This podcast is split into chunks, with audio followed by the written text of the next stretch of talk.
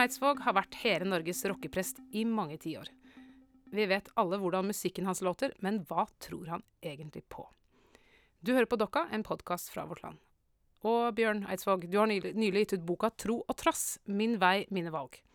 Boka handler om deg, men også om Gud. Hvem er Gud? Jeg har ikke helt funnet ut hvem han er, men eh, jeg blir stående ved at Gud er kjærlighet. Gud er det som holder håpet og livskreftene i sving. Eh, det er Gud for meg. Og tror du på Gud? Jeg definerer tro som å hengi seg til noe. Og, altså, vi gir noe kraft. Vi uh, er engasjert i noe. Sånn definerer jeg tro, og da er svaret mitt ja. Mm. Og det opplever jeg også kommer veldig tydelig fram i boka di. Akkurat disse tingene du sier her om både om Gud som kjærlighet, og, og ditt forhold til den kjærligheten. Eh, men du har jo gått en lang vei. Eh, du vokste opp på bedehuset. Kan ikke du fortelle for de uinnvidde litt om eh, hvordan, eh, hvordan, et bedehus arta seg på 50-tallet? Et bedehus var et godt sted å være for, for, meg som unge, og for de fleste barn, tror jeg. Eh, det var masse varme, masse kjærlighet, masse omsorg, og vi var opptatt av vesentlige ting. Det var liksom ingenting som var uvesentlig på, på Betel i Sauda. Alt var viktig, for alt handla om vår frelse, om vår kjærlighet til Gud, om Jesus. Og det var fantastiske historiefortellere Nydelig musikk som eh, ble bergtatt av fra første stund. Ikke én sang på bedehuset er likegyldig.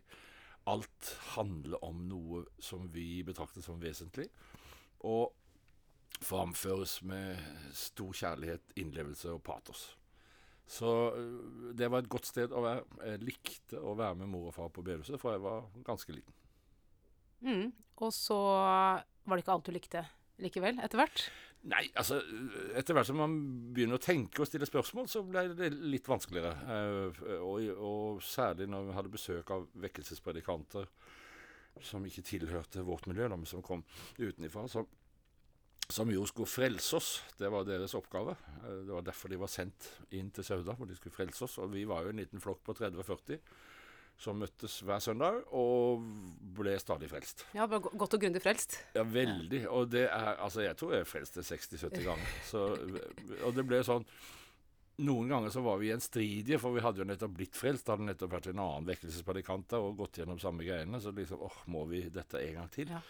Eh, og ja, det måtte vi, for da peiste vekkelsespredikanten på med enda sterkere bilder av helvete og fortapelse. Sånn at vi skulle skremmes til å gjøre det igjen og igjen. Altså bli frelst igjen og igjen. Og det betyr, altså, Rent sånn praktisk så betydde det at vi gikk fram, og så knelte vi ved de første benkeradene, og, og så ba, uh, ba, predikanten for oss, da. Så når dette begynte liksom Helvete begynte å bli et et, et fælere og fælere sted, og rykke nærmere og nærmere, så tenkte jeg at dette her kan ikke stemme. Og, og jeg bodde jo på et sted som uh, hadde Nord-Europas største smelteverk. Så vi, vi, skjønte jo hva helvete kunne, kunne se ut som. Eh, og jeg tenkte at det er noe feil her. De kameratene mine som ikke tilhører bedehusmiljøet, som har flotte, sterke foreldre med, med, med, flotte meninger og høy moral, at de på en måte, fordi at de ikke er enige med oss, ikke skal ha tilgang til Guds uh, kjærlighet, det, men snarere tvert om, brenne til evig tid i helvete, det, det ble etter hvert et konsept som ble umulig for meg å akseptere. Mm. Og øh, du skriver jo mye om denne her prosessen i boka. Skal, vi skal komme litt tilbake til uh, troskriser og sånn etter hvert. Men jeg er nysgjerrig på en ting som jeg ikke fikk helt grep om faktisk da jeg leste boka. Det er hvorfor du tenkte at du skulle bli prest. Hva var det som dreiv deg i den retning? Visste du ikke om noen andre yrker, eller hva? jo, jeg visste Altså, jeg var egentlig utsatt, utsett til å, være, til å bli baker i min fars bakeri. Jeg skulle jeg var eldstemann, og far ville nok helt klart at jeg skulle overta det som han hadde bydd opp. Eh, og sånn skjønte jo jeg etter hvert at det ikke ble. Jeg hadde da en, en, eh, en kjæreste eh, som hadde en far som var prest i Sauda. som jeg likte veldig godt. Han motiverte meg ganske voldsomt på å skulle bli prest, for det, var, det gikk mot prestemangel i landet. Han mente at jeg hadde et slags talent. Det samtidig med at jeg var liksom ikke så øh, velbevandret ut i Skriften. Altså, jeg leste jo Bibelen uh, rett som det var, men det var ikke sånn at jeg kunne briljere med å huske skriftsteder. og Johannes 3,16 kunne, men uh, det var stort sett det. Og når jeg da var i debatter med, om dette og hint om himmel og helvete, frelse, forsoning, eh, kvinneprester, altså moralske ting, adiafora, som, eller, ja, som vi kalte det den gangen, altså sånne moralsk nøytrale ting. Så, eh, det var jo feil å gå på kino, på teater. Eh, jenter fikk ikke gå i miniskjørt, og, og gutter skulle ikke ha langt hår. Alt dette. Når vi var i debatter, heftige debatter om disse temaene, så ble jeg ofte slått i huet med skriftsteder. Mm. Og da tenkte jeg at dette her finner jeg meg ikke i. Eh, jeg, jeg må kunne mer om eh, det jeg forfekter. Jeg må kunne mer om Bibelen. Jeg vil studere. Mm, så det var, det var, mye for din egen del, din egen ja. tro sin del og din egen måte, måte, å tenke på sin del? Ja. Mer enn at du tenkte at en dag er det jeg som skal stå der for alteret? Altså, jeg vil uh, tro at det var litt begge deler. Altså, jeg, jeg, elsker jo å opptre. Jeg elsker jo det jeg har gjort mm. fra jeg var liten av. Altså, jeg elsker å ha et publikum. Sånn at jeg så nok for meg at det å stå ha en prekestol, uh, det, det ville kledd meg. Mm. Og så begynte du jo på MF. Um, det, det, du skriver fint om, om, det du lærte der i boka di, men egentlig så er inntrykket mitt at den viktigste teologiske utdannelsen din skjedde et annet sted, nemlig i din første jobb etter, ja. uh, etter du hadde gått på MF. For, fortell om uh, hva slags type prest du var da. Altså, MF var et veldig vitalt og flott sted da vi var der. Det var en slags uh, Jesusvekkelsens uh, ungdommer som, som strømma inn til MF i den tida. Um, så det var, det var, veldig kjekt å være der. Um, men det var kjekkere å sitte i kantina enn å sitte på lesesalen. Uh, og det merka jeg etter hvert at liksom min teologiske interesse fra å være ganske våken og stor i begynnelsen, så, så, så dabba det litt av. Uh, så jeg ble, jeg ble, ingen stor teolog. Det er det som, som, som passe. Jeg kom meg mm. gjennom sånn passe. Men så fikk jeg da et, eh, et, en praksisperiode på Lier sykehus, Lier psykiatriske sykehus. Og der møtte jeg en prest som var så til de grader etter mitt hjerte. Eh, det, han var liksom den første presten jeg møtte som så å si aldri ga svar. Det er en, en sleip teknikk, men det var veldig, veldig effektfullt. Han kunne, når pasientene spurte f.eks. Ja, ja, men jeg lever jo et liv som, som, som byr Gud imot. Det, det, det, må jo Det må jo ende med fortapelse, dette her. Hva, hva skal jeg gjøre? Og da var klassisk Einar Øreslands svar var Uff a meg, ja, hva skal du gjøre? Og sånn holdt han på, og, og fikk da uh, klientene hans til å svare og komme med konstruktive forslag, og, og så gikk de videre. Dette tiltalte meg veldig, og han var òg veldig Han kjørte oss studenter, eller praktikanter, uh, mye på For det var flere av oss som kom ut Når du kom ut av et sånt teologisk studie, iallfall på den tida, så har du på en måte fått lære hva som er de viktigste svarene i livet. Det er Jesus, og det er nåden, og det er eh, å bli frelst. Og meningen med livet er å tro på det tankesettet som, som kristendom presenterer. Eh, og det tok han fra oss. Eh, ikke primært fordi at han ikke var, eh, tenkte i lignende bane, men fordi at han ville at vi skulle skjønne hva vi snakker om. Altså hva betydde dette for oss? Hva betydde det å bli frelst? Hva betydde det å skulle ha, være glad i Jesus eller stå tett til Jesus, hva, hva betydde det? Når du sitter med en, et menneske som er i dyp fortvilelse og, og angst og depresjon, eh, tror du at hvis du sier at hvis du gir det over til Jesus, så blir det bra? Altså, hva er det for et utsagn? Eh, hvis du skal si det, så må du si så må du si det på en annen måte. Mm -hmm. Du må komme inn til det mennesket, for det, hvis det mennesket ønsker Det mennesket fortjener å bli frelst, men da er ikke det å bli frelst Det er ikke å bli henta fra eh, muligheten for å brenne til evig tid i helvete og inn i himmelen. Det er til å klare å forsone seg med seg sjøl og til å få det bedre med seg sjøl. Det er en frelse for dette mennesket. Muligens, spurte han også. Mm. Og, og, her begynte jeg for alvor å se at eh, jeg kan være prest. Eh, dette er en måte å tenke på som for, Fordi at jeg har alltid, alltid fascinert meg, alle de historiene vi sitter på. Alle de fortellingene vi sitter på fra Bibelen, som er så sterke og flotte. Men er, mange av de er sterkere og flottere hvis du løsriver de fra det dogmatiske settet de er satt inn i. Altså den, At du må liksom plassere enhver historie i en slags frelseshistorie, sånn at det til slutt skal gå opp.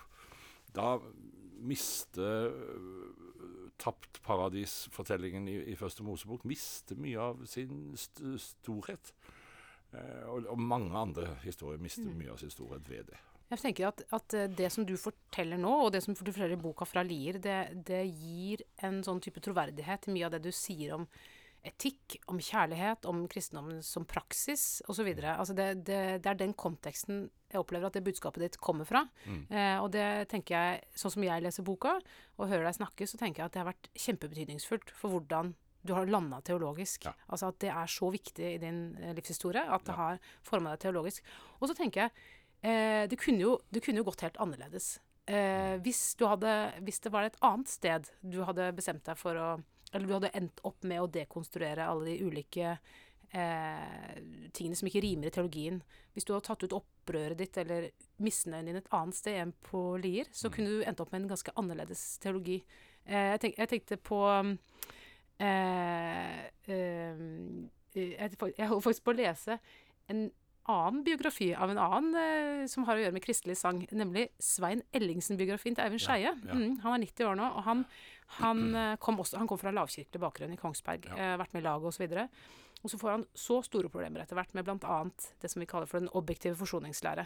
At ja. Gud måtte drepe Jesus på korset mm. for, for vår skyld. Um, um, og, og, han trenger også et sted å, å finne ut man, når, når, man merker at sånne ting blir en vegg, så kan du enten si OK, jeg kan ikke drive med kristendom. Det her mm. går ikke. Sånn her kan vi ikke holde på. Ja. Jeg sier nei takk. Eller så kan man jo uh, bearbeide det på en eller annen måte. Og det opplever jeg at uh, Eller, eller så kan man kanskje bare si OK, men jeg aksepterer det. Uh, det er jo noen som gjør ja. det òg. Sier ja. at Gud har sagt det, ferdig med det. Jeg aksepterer det sånn som det er. Men hvis man vil inn og bearbeide, da, som jeg opplever at du har gjort, og, og Svein Ellingsen også har gjort, så er det jo ulike måter å gjøre det på. Nå skal jeg snart komme til poenget. jeg er spent. Ja, ikke sant? Nei, fordi eh, Svein Ellingsen går jo til eh, Norges kristelige studentforbund og ja. oppdager der Gustav Wingrem, f.eks., ja. som jo er dogmatiker. Altså han er, en, han er jo en, dogmat, en, systematisk teolog mm. som refortolker dogmene. Eh, og eh, sånn som jeg leser din historie, så er du jo innom forskjellige sammenhenger. Du er mm. bl.a. for å synge på Forum for kristne sosialister. Ja. Men du kommer dit også i protest. Ja. Du, du, spiller, Hva er det du spiller på radioen? Et eller annet håpløst popopplegg? Ja, eh, Saturday Night Fever. Ja. Det var, det, for, for, å markere at liksom her er, du er ikke helt i lomma på dem. Stu, det var ikke stuerent. Det er helt sant? riktig. Så det med, jeg bare lurer på, Har du hatt liksom en sånn motstand mot å um, har du hatt en motstand mot å gå inn i sånne type sammenhenger, som f.eks. For Forbundet eller Forum for kristne sosialister, og ta ut liksom din slåsskamp med Gud der? Eh, kunne det vært der istedenfor i, eh, i, på Lier, da? Ja, det, det var jo òg der. Altså, jeg var, gikk jo òg i, i, forbundet ja, okay. en, en, stund. Og, og, eh, som du sier, så var det Forum for kristne sosialister, og gikk i studiesirkel. Og, og så jeg var der òg, men, men, da det, det, Hva skal jeg si? Altså, jeg, jeg likte meg godt i forbundet. Uh, men, men jeg, jeg, fant ikke et hjem der allikevel. Mm, ja. mm. Eh, det, det, var liksom noe for meg i den tida som ble litt sånn tilgjort. Det, det, var frigjørende for en bedehusgutt å komme dit, mm. fordi at uh, de hadde et langt av mer avslappa forhold til uh, alkohol og til, uh, til, dogmer, for å si det veldig enkelt, og, og som, som, da tiltalte meg. Men jeg tror at noe av grunnen til at jeg aldri helt falt til ro her, var, var rett og slett musikken. Altså okay, min ja. Det var liksom Jeg kjente hele veien på at musikken er egentlig mitt hjem. Altså det, det er egentlig her jeg har det best. Og så hadde jeg vel òg tanker om at det, hele tida at jeg tror at dette her kristne greiene, det, det tror jeg jeg skal vokse med. Okay, Ok, Jeg, jeg skal liksom for, Fordi det, det er for mye her som er tøysete, som var tøysete da, i, i min, min oppfattelse av det. Så nei, jeg, det ble et langt og rart svar, det òg. Altså, jeg fikk eh, aldri helt hjem i de, på de stedene som du snakker om. Men jeg var der, og jeg hadde mye fine, mange fine opplevelser der. Mm. Um, jeg syns det er morsomt det du sier om dog dogmer. Ehm, det med frihet i forhold til dogmer, og at du, du skriver i boka at du, du liker ikke dogmer. Eller Nei, du har noen formuleringer som er litt sånn kjærlighet Du sier blant annet kjærligheten forsvant ikke fra kirken, men dogmene fikk overtaket. Og vi trenger ikke dogmer, vi trenger kjærlighet og nåde. Um, og jeg jo, har jo en doktorgrad i dogmatikk, så jeg blir veldig gira når folk sier sånne ting. Og det syns jeg er veldig interessant, fordi når du, når du da ikke, ikke liker dogmer, hva, hva, er det, hva er det med dogmer som er vanskelig eller, eller herkete, eller Ja, Da tipper jeg at jeg må, jeg altså jeg må vel ty til en, en eh, mer allmenn forståelse av dogme. Altså Sånn som jeg oppfatter dogme når jeg snakker om det sånn, er at det er en forklaring på hvordan ting henger sammen, og hvordan vi skal tenke om Gud og Jesus og Den hellige ånd, altså om treenigheten og om eh, objektive forsoningslære og alt sånt. Altså, det tro er for meg et engasjement å, være, å liksom hengi meg til noe. Og når dogmene kommer, så kobles hodet veldig på. Da skal jeg i tillegg eh, liksom akseptere noe som som regel for tanken er umulig å akseptere.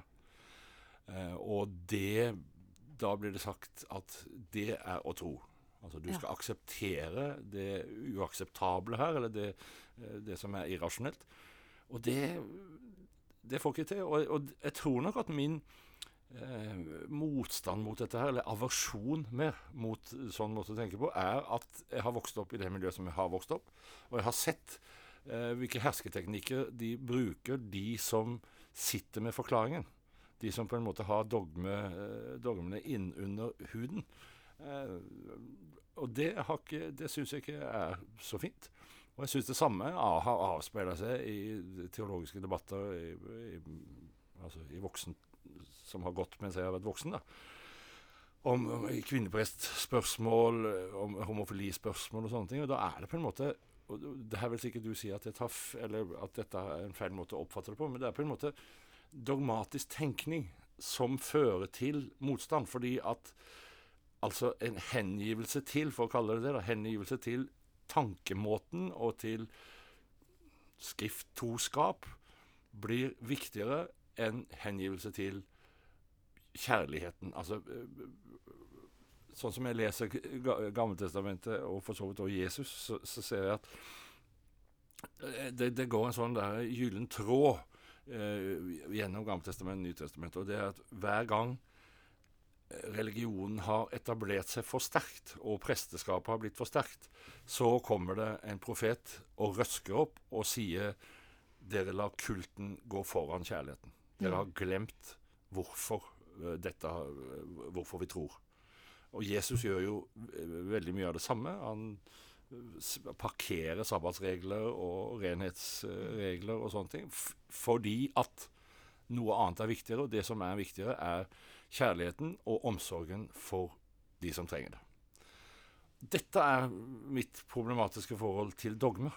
Altså, jeg aksepterer jo at, eh, at vi er tenkende, og at vi skal gjøre forsøk så godt vi kan på å få, få, få til å forstå ting. Men jeg aksepterer ikke at det nødvendigvis er å tro.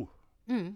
Ja, Altså, så det er Jeg tenker, for, jeg tenker jo at jeg syns det var en god eh, definisjon du hadde av dogmer. Altså, det er jo menneskers forsøk på å formulere liksom, Hvis vi skal i sånn, i sånn logisk setningsoppbygging si noe om hvem Gud og Jesus og mennesker osv. er, så har vi prøvd å lage noen setninger om det. Og det, det liksom er dogmer. Eh, katolske vil kanskje si at, eh, at, eh, at i, det, i det mye større vekt. Altså at eh, det som kirka kommer fram til, har en mye større teologisk vekt da, enn vi protestanter gjør. Men jeg tenker som protestanter så kan vi si ok, men her har noen folk prøvd å finne ut av Prøvd, å- å formulere liksom et eller annet om Gud. Og det, er- det er kjekt å ha noen sånne setninger som vi kan, vi kan forholde oss til. Men problemet oppstår jo vel heller når det blir, som du sier da, kommer eh, inn som en sånn derre at tro er å sette navnetrekket sitt under en sånn liste Ja. med eh, noen, no, noe som noen har funnet på om, om hvem Gud er. Ja. Eh, og, og at du får en sånn uh, forskyvning i, i, i tyngdepunktet hva troen er for noe. Uh, bort fra liksom faith og til belief. Ja. Altså bort fra tilliten og, og heller til uh, ja, eh, en sånn slags tilslutning, da. Dette, er, dette, dette forklarer du bedre enn meg. Jeg, jeg, prøvde bare å lage dogmer ut av det du sa. det er det du gjør. ja. Nei, men, eh, Ja, og men, da er jeg for dogmer. Ja, ikke sant? Mm. Er, og jeg tenker jo at all sånn dogmatisme, som jo på en måte som, som absolutiserer eh, dogmer, er jo problematisk. Ja. Eh, det er det jo. Um, men samtidig, altså vi, hvis vi skal se på hva som finnes av dogmer i vår kirke, da, så er jo det trosbekjennelsene Mm. og det som heter Confessia Augustana. Og enhver som leser Confessia Augustana, må jo bli skuggredd for å tro at det liksom 100 Vi står for Confessia det. Augustana er det vi står for. Ja. Der er det jo Der er det eh, levende, mye fordømmelse der. bilder av, fordømme, av helvete og for, Ja, fortapelsen. det. da. Ja. Men samtidig, så, med disse andre trosbekjennelsene, sier vi jo i kirka. Eh, hvordan er det du, har jo noen, du har jo reflektert litt rundt det der med å si fram trosbekjennelsen. Det der med de, de, de etasjene. Jesus som tar- ja. fyker opp og ned mellom etasjene. Ja. Det er ikke er det For ned til dødsriket tredje dag og sto opp. Ja, og og for opp til himmelen. For opp til himmelen. Mm. Eh, ja, altså Jeg framsier jo trosbekjennelsen eh, når jeg er på gudstjeneste. Men jeg syns alltid det er like rart. Altså, jeg, jeg klarer ikke å fri meg fra uh, figurer fra Marvel-universet.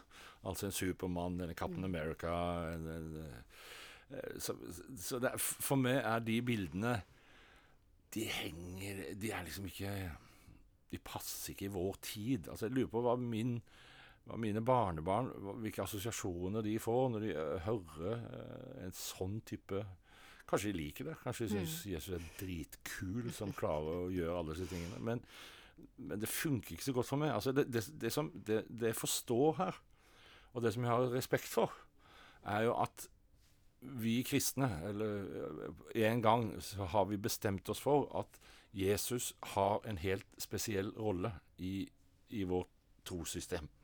Vi, har valgt å gi kjærligheten Jesu ansikt. Altså vi har valgt å gi Gud Jesu ansikt. Eh, og det må vi prøve å opphøye så godt vi kan. Og da bruker vi så sterke bilder som bare det. Det aksepterer jeg, og det, det liker jeg på en måte. Det er en fortelling som, Mm. som, som skaper mening for min del. Jeg kan ikke bevise at Jesus var spesiell eller noe, ting, eller sånn, men, men vi gjør han til det. Mm. Og, og det eh, har jeg respekt for. Mm. Eh, så det er vel hensikten med denne trosbekjennelsen, og det heier jeg på, men jeg skulle ønske at vi fant litt, med, litt andre bilder. Mm. Ja, for den, men den vil jo alltid stå ved siden av andre tekster og andre ting vi ser Ja. i gudstjenesten. Ja, altså Jeg er ikke for å hive noe av dette her, men jeg er for å kanskje sette noe i arkivet. Mm. Eh, hvis vi skal følge litt kronologien, eller hoppe litt inn i kronologien igjen, eh, ditt eh, liv som prest, og, eh, så, så um, slo det meg også mens jeg leste at eh, du, Ja, for du har jo mange sånne troskriser underveis. Først så er det helvete som er et problem, og så kommer det, og så kommer det. Og så sier du på et tidspunkt 'Nå vil jeg bli sekulær'. Eller ja. du, du har en sånn formulering med at du går helt sånn bevisst inn for å ta, ta av deg liksom de kristne klærne og, og gå helt og fullt inn i en annen verden. Du sier opp som, jobben som prest og blir heltidsmusiker.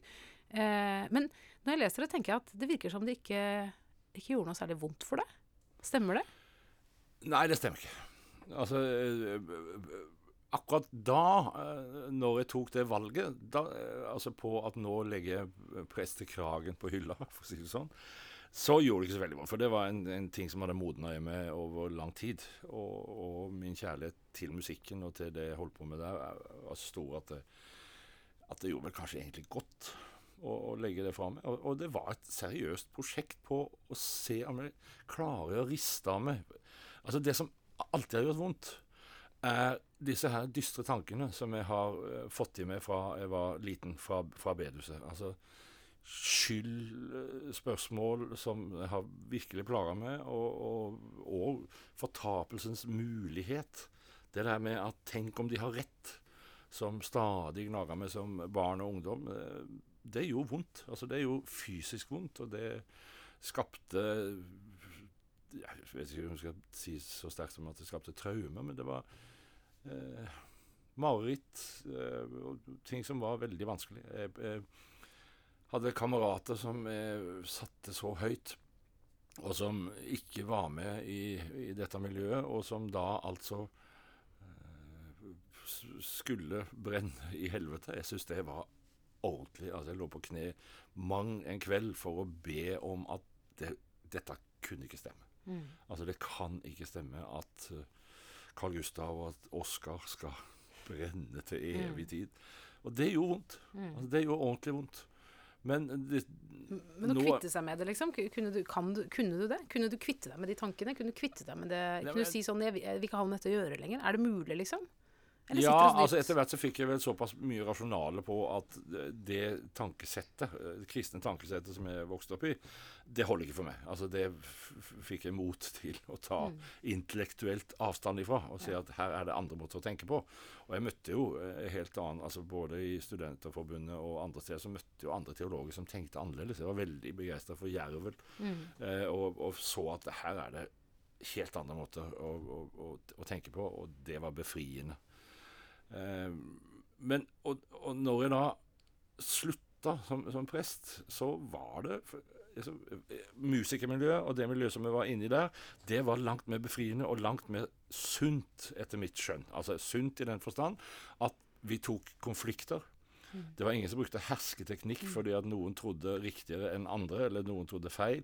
Eh, det var ikke en sånn tilgjort vennlighet eller tilgjort eh, moralsk perfekthet på et vis, da, som jeg i veldig stor grad opplevde i mange kristne miljøer.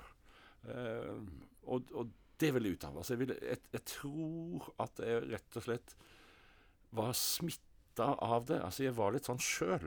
Eh, og, og hadde ikke lyst til å være sånn. Uh, så, så da gjorde jeg altså et forsøk på å legge Bibelen i skuffen, Ja. prestekragen på hylla, ut i den sekulære verden og lese øh, ateister og øh, prøve å tenke annerledes. Og likevel så er det på dette tidspunktet her så kommer det noen dypt teologiske tekster, sangtekster fra deg. Ja, det er helt riktig. Ja, det er jo litt paradoksalt. Ja, det er paradoksalt.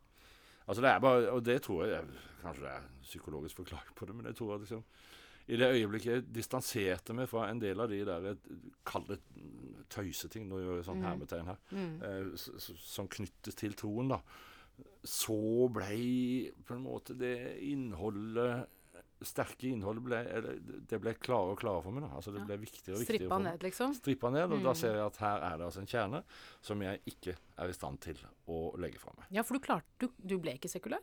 Klarte du det? Mange vil nok si at jeg ble veldig, at jeg ble veldig sekulær, men, men eh, jeg, ble, jeg vil si at jeg ble en sterkere troen. Troen min ble sterkere. Det er kult. Mm. Jeg Det kan godt eh, være at jeg ikke kom så godt fram i boka, men jeg prøv, har prøvd å si det. Men jeg har prøvd, Ja. jeg har prøvd å ikke bruke for store ord på det. Mm. Det er en, ja. Mm. Ehm, jeg har lyst til at vi skal snakke om en sånn, eh, en sånn dogmatisk ting til. Og det er det, rett og slett det som handler om arvesynd. Uh, for du, Ja. du skriver en del om det i boka. Ehm, og spesielt i um, Ja, du har en Jeg kan si, først si uh, Fordi uh, Vårt Land i går hadde et intervju med en som heter Elisabeth Hoff. Ja. Og hun har vært eh, WHOs sånn stedlig leder i Syria i sju år. Mm. Eh, et kristent troende menneske. Og hun sier til Vårt Land at nå har hun mistet troen på at mennesket er gått på bunnen. Ja. Så det å være, leve i krig over så lang tid, for henne har det endra hele menneskesynet hennes. Ja. Hun tror ikke at mennesket er godt lenger. Det er veldig forståelig. Ja, hva, hva, hva sier Har dette noe med arvesynet å gjøre? Eller hva sier du til henne? Altså, øh, For du er ikke så veldig begeistra for det begrepet. Nei, jeg- og det er den dogmatiske forklaringen på hva arvesyn er for noe. Og, og hvordan at det plasseres i, øh, hos Adam og Eva når de spiser eple. Og så starter, der starter da veien fram til Jesus, som skal forsone oss, altså den objektive forsoningslæren. Det er sånn Altså, jeg, jeg kan ikke tenke på arvesyn sånn. Eh, altså, altså Augustin, mm. på en måte Det er han som har laga det systemet. I stor grad, i, hvert fall. Men at det onde er et problem, at, at vi bærer det onde med oss, det er ikke noe tvil om. Men ikke kall det arvesyn. Ikke få oss til å tenke når vi sitter på gudstjenesten. Ikke bruk ord eller liturgiske ledd som sier at vi, vi altså bekrefter på en måte vår ondskap. Eh, det har jeg ikke lyst til å høre, fordi at eh, jeg har en tanke om at den fordømmelsen bærer vi på, alle sammen. Og, og, og det er den fordømmelsen vi skal løftes ut av eh, under en gudstjeneste. Eh, og det betyr ikke at vi tar ondskapen bort, men vi får hjelp til å leve med det. Og så vil kanskje mange si at ja, men det er det som er arvesynd. Da sier jeg ja, fint. Da er det det som er arvesynd. Ja. Ja, ja fordi når, når, jeg leser det du skriver, så, så kobler du ondskap og arvesynd veldig tett mot hverandre. Ja. Uh, på en måte som jeg, jeg tror kanskje ikke jeg har blitt fortalt om arvesynd på samme måte som du blei på Nei. Betel. Men det skulle bare mangle. Jeg har aldri satt mine føtter i et bedehus, så det, det henger nok sammen. Da har du gått glipp av noe. Ja, ikke sant. Ja. men, uh, men uh, hvor, du, hvor, du, sier at at arvesynden, sånn som du har blitt uh, utsatt for den, eller mm. blitt fortalt om den, så er det uh, noe med at vi, at vi, kommer til livet besudlet, og ikke er verdige Guds betingelsesløse kjærlighet. Ja og, og, selvfølgelig utlagt på den måten, så er det jo håpløst. Eh, ja, og det er den, ja. altså den avsynet jeg tar avstand mm. fra. Mm, ja.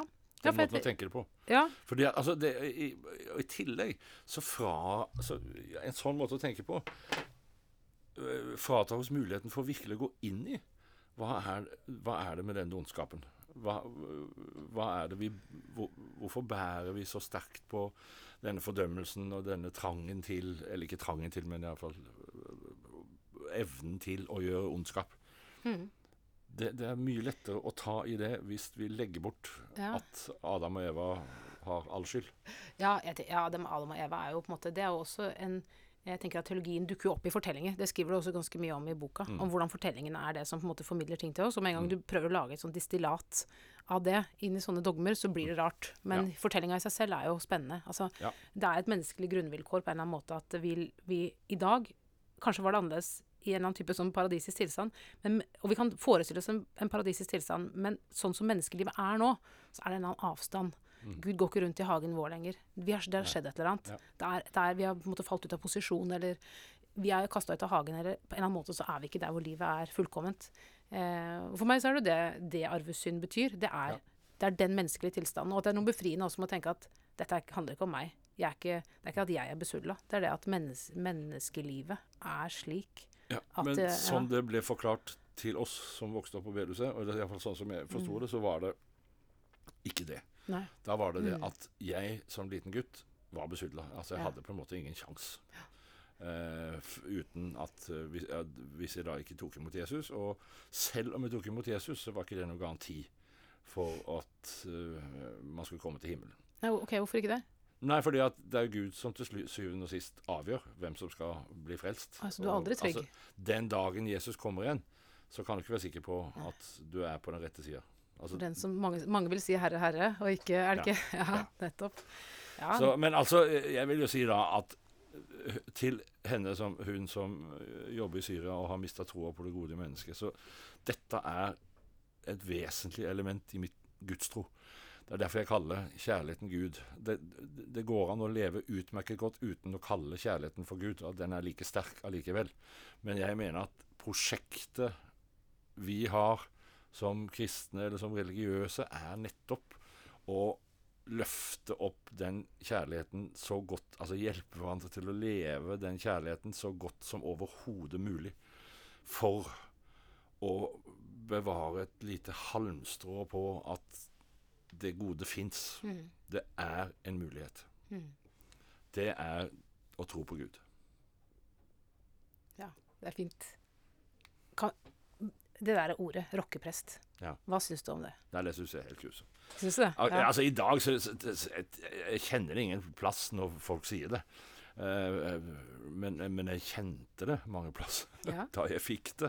For jeg tenker det er så useriøst. Jeg hadde ikke lyst til å være en sånn uh, type som Altså en, en, prest med gitar som tok fram gitaren og, og rocka under gudstjenesten på en eller annen måte. Altså det, det, for meg er det, det en litt latterlig figur som jeg ikke hadde lyst til å være. Og jeg hadde heller ikke lyst til å være han som på en måte sto på rockescenen eller på klubbscenen og, og, egentlig var prest og skulle omvende uh, ad bakveien. Eh, altså det var sånne bilder jeg fikk av begrepet rockeprest. Så derfor så jobba jeg beinhardt for å prøve å bli kvitt det og ganske eh, Ja. Men du har jo, du, det, jo det ligger jo en sånn eh, Jeg tenker at det ligger jo også en attest til deg der, da, i det ordet. For det er jo noe med at du klarte å balansere på en ganske vanskelig eh, egg. Eh, hvor du på en måte både har hatt tillit hos eh, på en måte kirkefolket, ja. og hos resten av folket. Og ikke minst hos den de, store delen av menneskeheten som både anser seg som kirkefolk og eh, liker musikk. Menneskeheten var Menneske, ja. La oss si Norgesland, da. Ja, det er jo ikke sånn enten-eller heller der heller. Nei, men jeg tenker jo at eh, jeg tror du har gjort eh, jeg tror du har gjort eh, kristendommen i Norge en stor tjeneste ved å gjøre det du har gjort. da. Så, så det, er jo ikke, det er jo ikke bare Altså, jeg skjønner at merkelappen ikke er så gøyal, men det er jo ikke bare en eh, Al- Altså Etter hvert så har jeg på en måte bare Mm. akseptert at sånn er det. Fordi, og nettopp som du, som du sier jo, at jeg, jeg har, i dag har jeg tiltro til at folk vet hvem jeg er. Altså folk De bryr seg ikke om den tittelen. De, de bryr seg mye mer om jeg ser eh, skyfri himmel eh, Altså de sangene jeg har skrevet, de, de knytter, det er de som knyttes til meg, ikke begrepet rockeprest. mm. Og da, Det kan være at rockeprestbegrepet har hjulpet òg, på et vis. Men i, i den tida jeg fikk det, så var det jo sånn at, og, litt før det, så var det sånn jeg tilhørte jo Kirkelig kulturverksted. Og Kirkelig kulturverksted hadde, hadde vi store problemer. Nå sier jeg vi, for jeg, jeg var der med hud og hår. eh, Og var enig med Erik Hillestad i, i det meste. Men der, det var et konstant problem at um, kristelige bokhandlere de ville ikke ta inn ting mm. fra Kirkelig kulturverksted, med mindre det var veldig safe, altså bedehussanger fra et eller annet. Um, og vanlige sekulære platebutikker ville ikke ta den fordi at det var, hadde kristen label. på en måte. Det faller mellom to stoler. Faller mellom to stoler. Og dette, Mm. var et, dette var et problem i lang tid. Som jeg mener jo da at eh, Erik Hillestad har gjort en fabelaktig Mm. jobb Mm. for å bli kvitt Ja, det problemet. I dag tenker ikke folk sånn, etter mitt skjønn. Jeg, jeg ser iallfall i liten grad sånn, sånn tenkning. Mm. Men jeg tenker at jeg har også lurt litt på når jeg har lest boka du, du, du, Sånn tidlig i karrieren hvor du hadde noen skikkelig sånne skikkelig trygge, kristelige, lavkirkelige sanger som du kunne synge, synge i bedehusene eller kirkene rundt omkring. Hvor du visste at uh, hvis du sang dem, så var, da var det greit. Da Ja. ble det akseptert. Har, har det vært litt noe strategisk her også fra din side? At du på en måte har det er strategi. ja, at er du har, helt- ja, at du har liksom kunnet liksom leve, være akkurat så spiselig for den gruppa som du kunne være, og akkurat så spiselig for den gruppa. Ja, definitivt. Ja. Altså det, sånn, sånn var det på den tida. Altså det, det, det viktigste for oss var å få aksept for at denne musikken har kvaliteter som kirka kan, bruke, kan benytte seg av. Denne musikken kan spilles i kirkerommet og, og, og være en berikelse av eh, kirkens musikkliv. Sånn, altså i dag, Dette høres jo helt latterlig ut å si Mm. sånne ting, da, for i dag er det akseptert. Det var det ikke den gangen. Mm. Det var altså Mange, særlig organister, var så imot å skulle ta inn dette i kirkene. Det var, altså det var, de brukte store ord, øh, og de brukte harde ord mot, mot dette. Og, og da, for å få til det, så var det viktig at tekstene var det i alle fall ikke noe slåsskamp om. Mm. At de var helt trygge. Mm. Så ja, det var en bevisst strategi. Mm. Så dere jekka dere inn? Vi med gikk oss inn. ja, Ja. det er bra. Du, det siste jeg har lyst til å snakke med deg om, det er eh, Jeg lurer på om du kan fortelle litt om Leonardos dåp? ja eh, For det er en slags uh, Opplever i boka at du åpner opp en gammel dør igjen, på en eller annen måte? I, i det, fortell, hva, hva, hva er altså, dette? Prosessen med denne boka, og det, det har vært gjennom Jeg hadde behov for å skrive denne boka for, for på en måte å rydde opp i eget tankesett. Og se hvor jeg Allerede nå så ser jeg at ting kan Altså, ting er stadig i endring. Også etter at jeg har satt punktum, så er ting stadig i endring. Eh, men, og da jeg holdt på å liksom rydde opp i eget tankesett, så var det jo selvfølgelig en, en viktig tanke for meg Kan jeg under gitte forhold så kan, jeg ta på meg prestekjolen igjen? Kan jeg stå og forrette eh, liturgien sånn som den er nå? Eller, eller vil det skape store problemer? Altså Vil jeg oppleve det som eh, hyklersk eller å være illojal mot, mot, eh, mot mine prinsipper, da, på en måte. Og da fikk jeg altså utfordring til å døpe eh, mitt barnebarn, mitt yngste barnebarn, eller vårt yngste barnebarn, som heter Leonardo. Eh, og gikk i tankeboksen eh, og satte meg grundig inn i dåpsliturgien. Mm. Eh, leste en del om dåp. Det, det var lenge siden jeg hadde tenkt liksom, på hvordan jeg skal tenke om dåp. Eh, og syntes at det ble, var Fant mye som var veldig fint. Eh, og fant ut at dette kan jeg gjøre. Mm. Jeg, jeg, jeg tar sjansen. Og så var det også sånn at jeg måtte ha liturgien stort sett på engelsk, da mm. Leonardo sine besteforeldre på farssiden er amerikanere. Um, og det var jo en tilleggsutfordring. Eh, Men, men på en måte så Engelsken Engelsken tåkela Ja. lite grann av de der eh, veld- ja, altså veldig kristelige formuleringene i trosbekjennelse og sånne ting. Så, sånn at jeg syns på en måte at det var, det var en fin, fin ting. Men så glemte jeg da forsakelsen. Ja. Jeg forsaker djevelen og alle hans gjerninger, alt Ja. hans vesen. Ja. Ja. Men, og det fikk jeg høre etterpå. Noen, okay. som hadde, noen, noen hadde fått det med seg. Men det var veldig fint å gjøre. Ja. Det var, Mm. Absolutt. Jeg Ga det mersmak? Tenker du at eh, tenkte, Fikk du liksom trygghet for at ja, du, du er fortsatt prest? Har du et kall? Har du et prestekall fortsatt? Opplever du det? Hva mener du med kall? Ah, nei, det er vanskelig. Det er bra du spurte om det. Ja. Kjenner du en indre eller ytre dragning mot presteyrket? Eller mot prestegjerninger? Nei, Nei. det gjør jeg ikke. Men, men jeg har jo øh, veldig gode øh, prestevenner som, øh, som hele veien presiserer over meg at når jeg sier at ja, men altså reise rundt og ha konserter og spille på klubber og, altså jeg, holder, jeg, lever et helt annet liv. Mm. Nei, du er prest også der. Mm. Altså det, det er min, mine tanker om det å være prest som er feil, ifølge de. Og det kan de ha rett i. Og Der hadde jeg jo en sterk opplevelse i Afrika med biskop, eh, erkebiskop Walter Makulu. Hvor jeg ytra min frustrasjon over å være i Den norske kirke og være prest i Den norske kirke.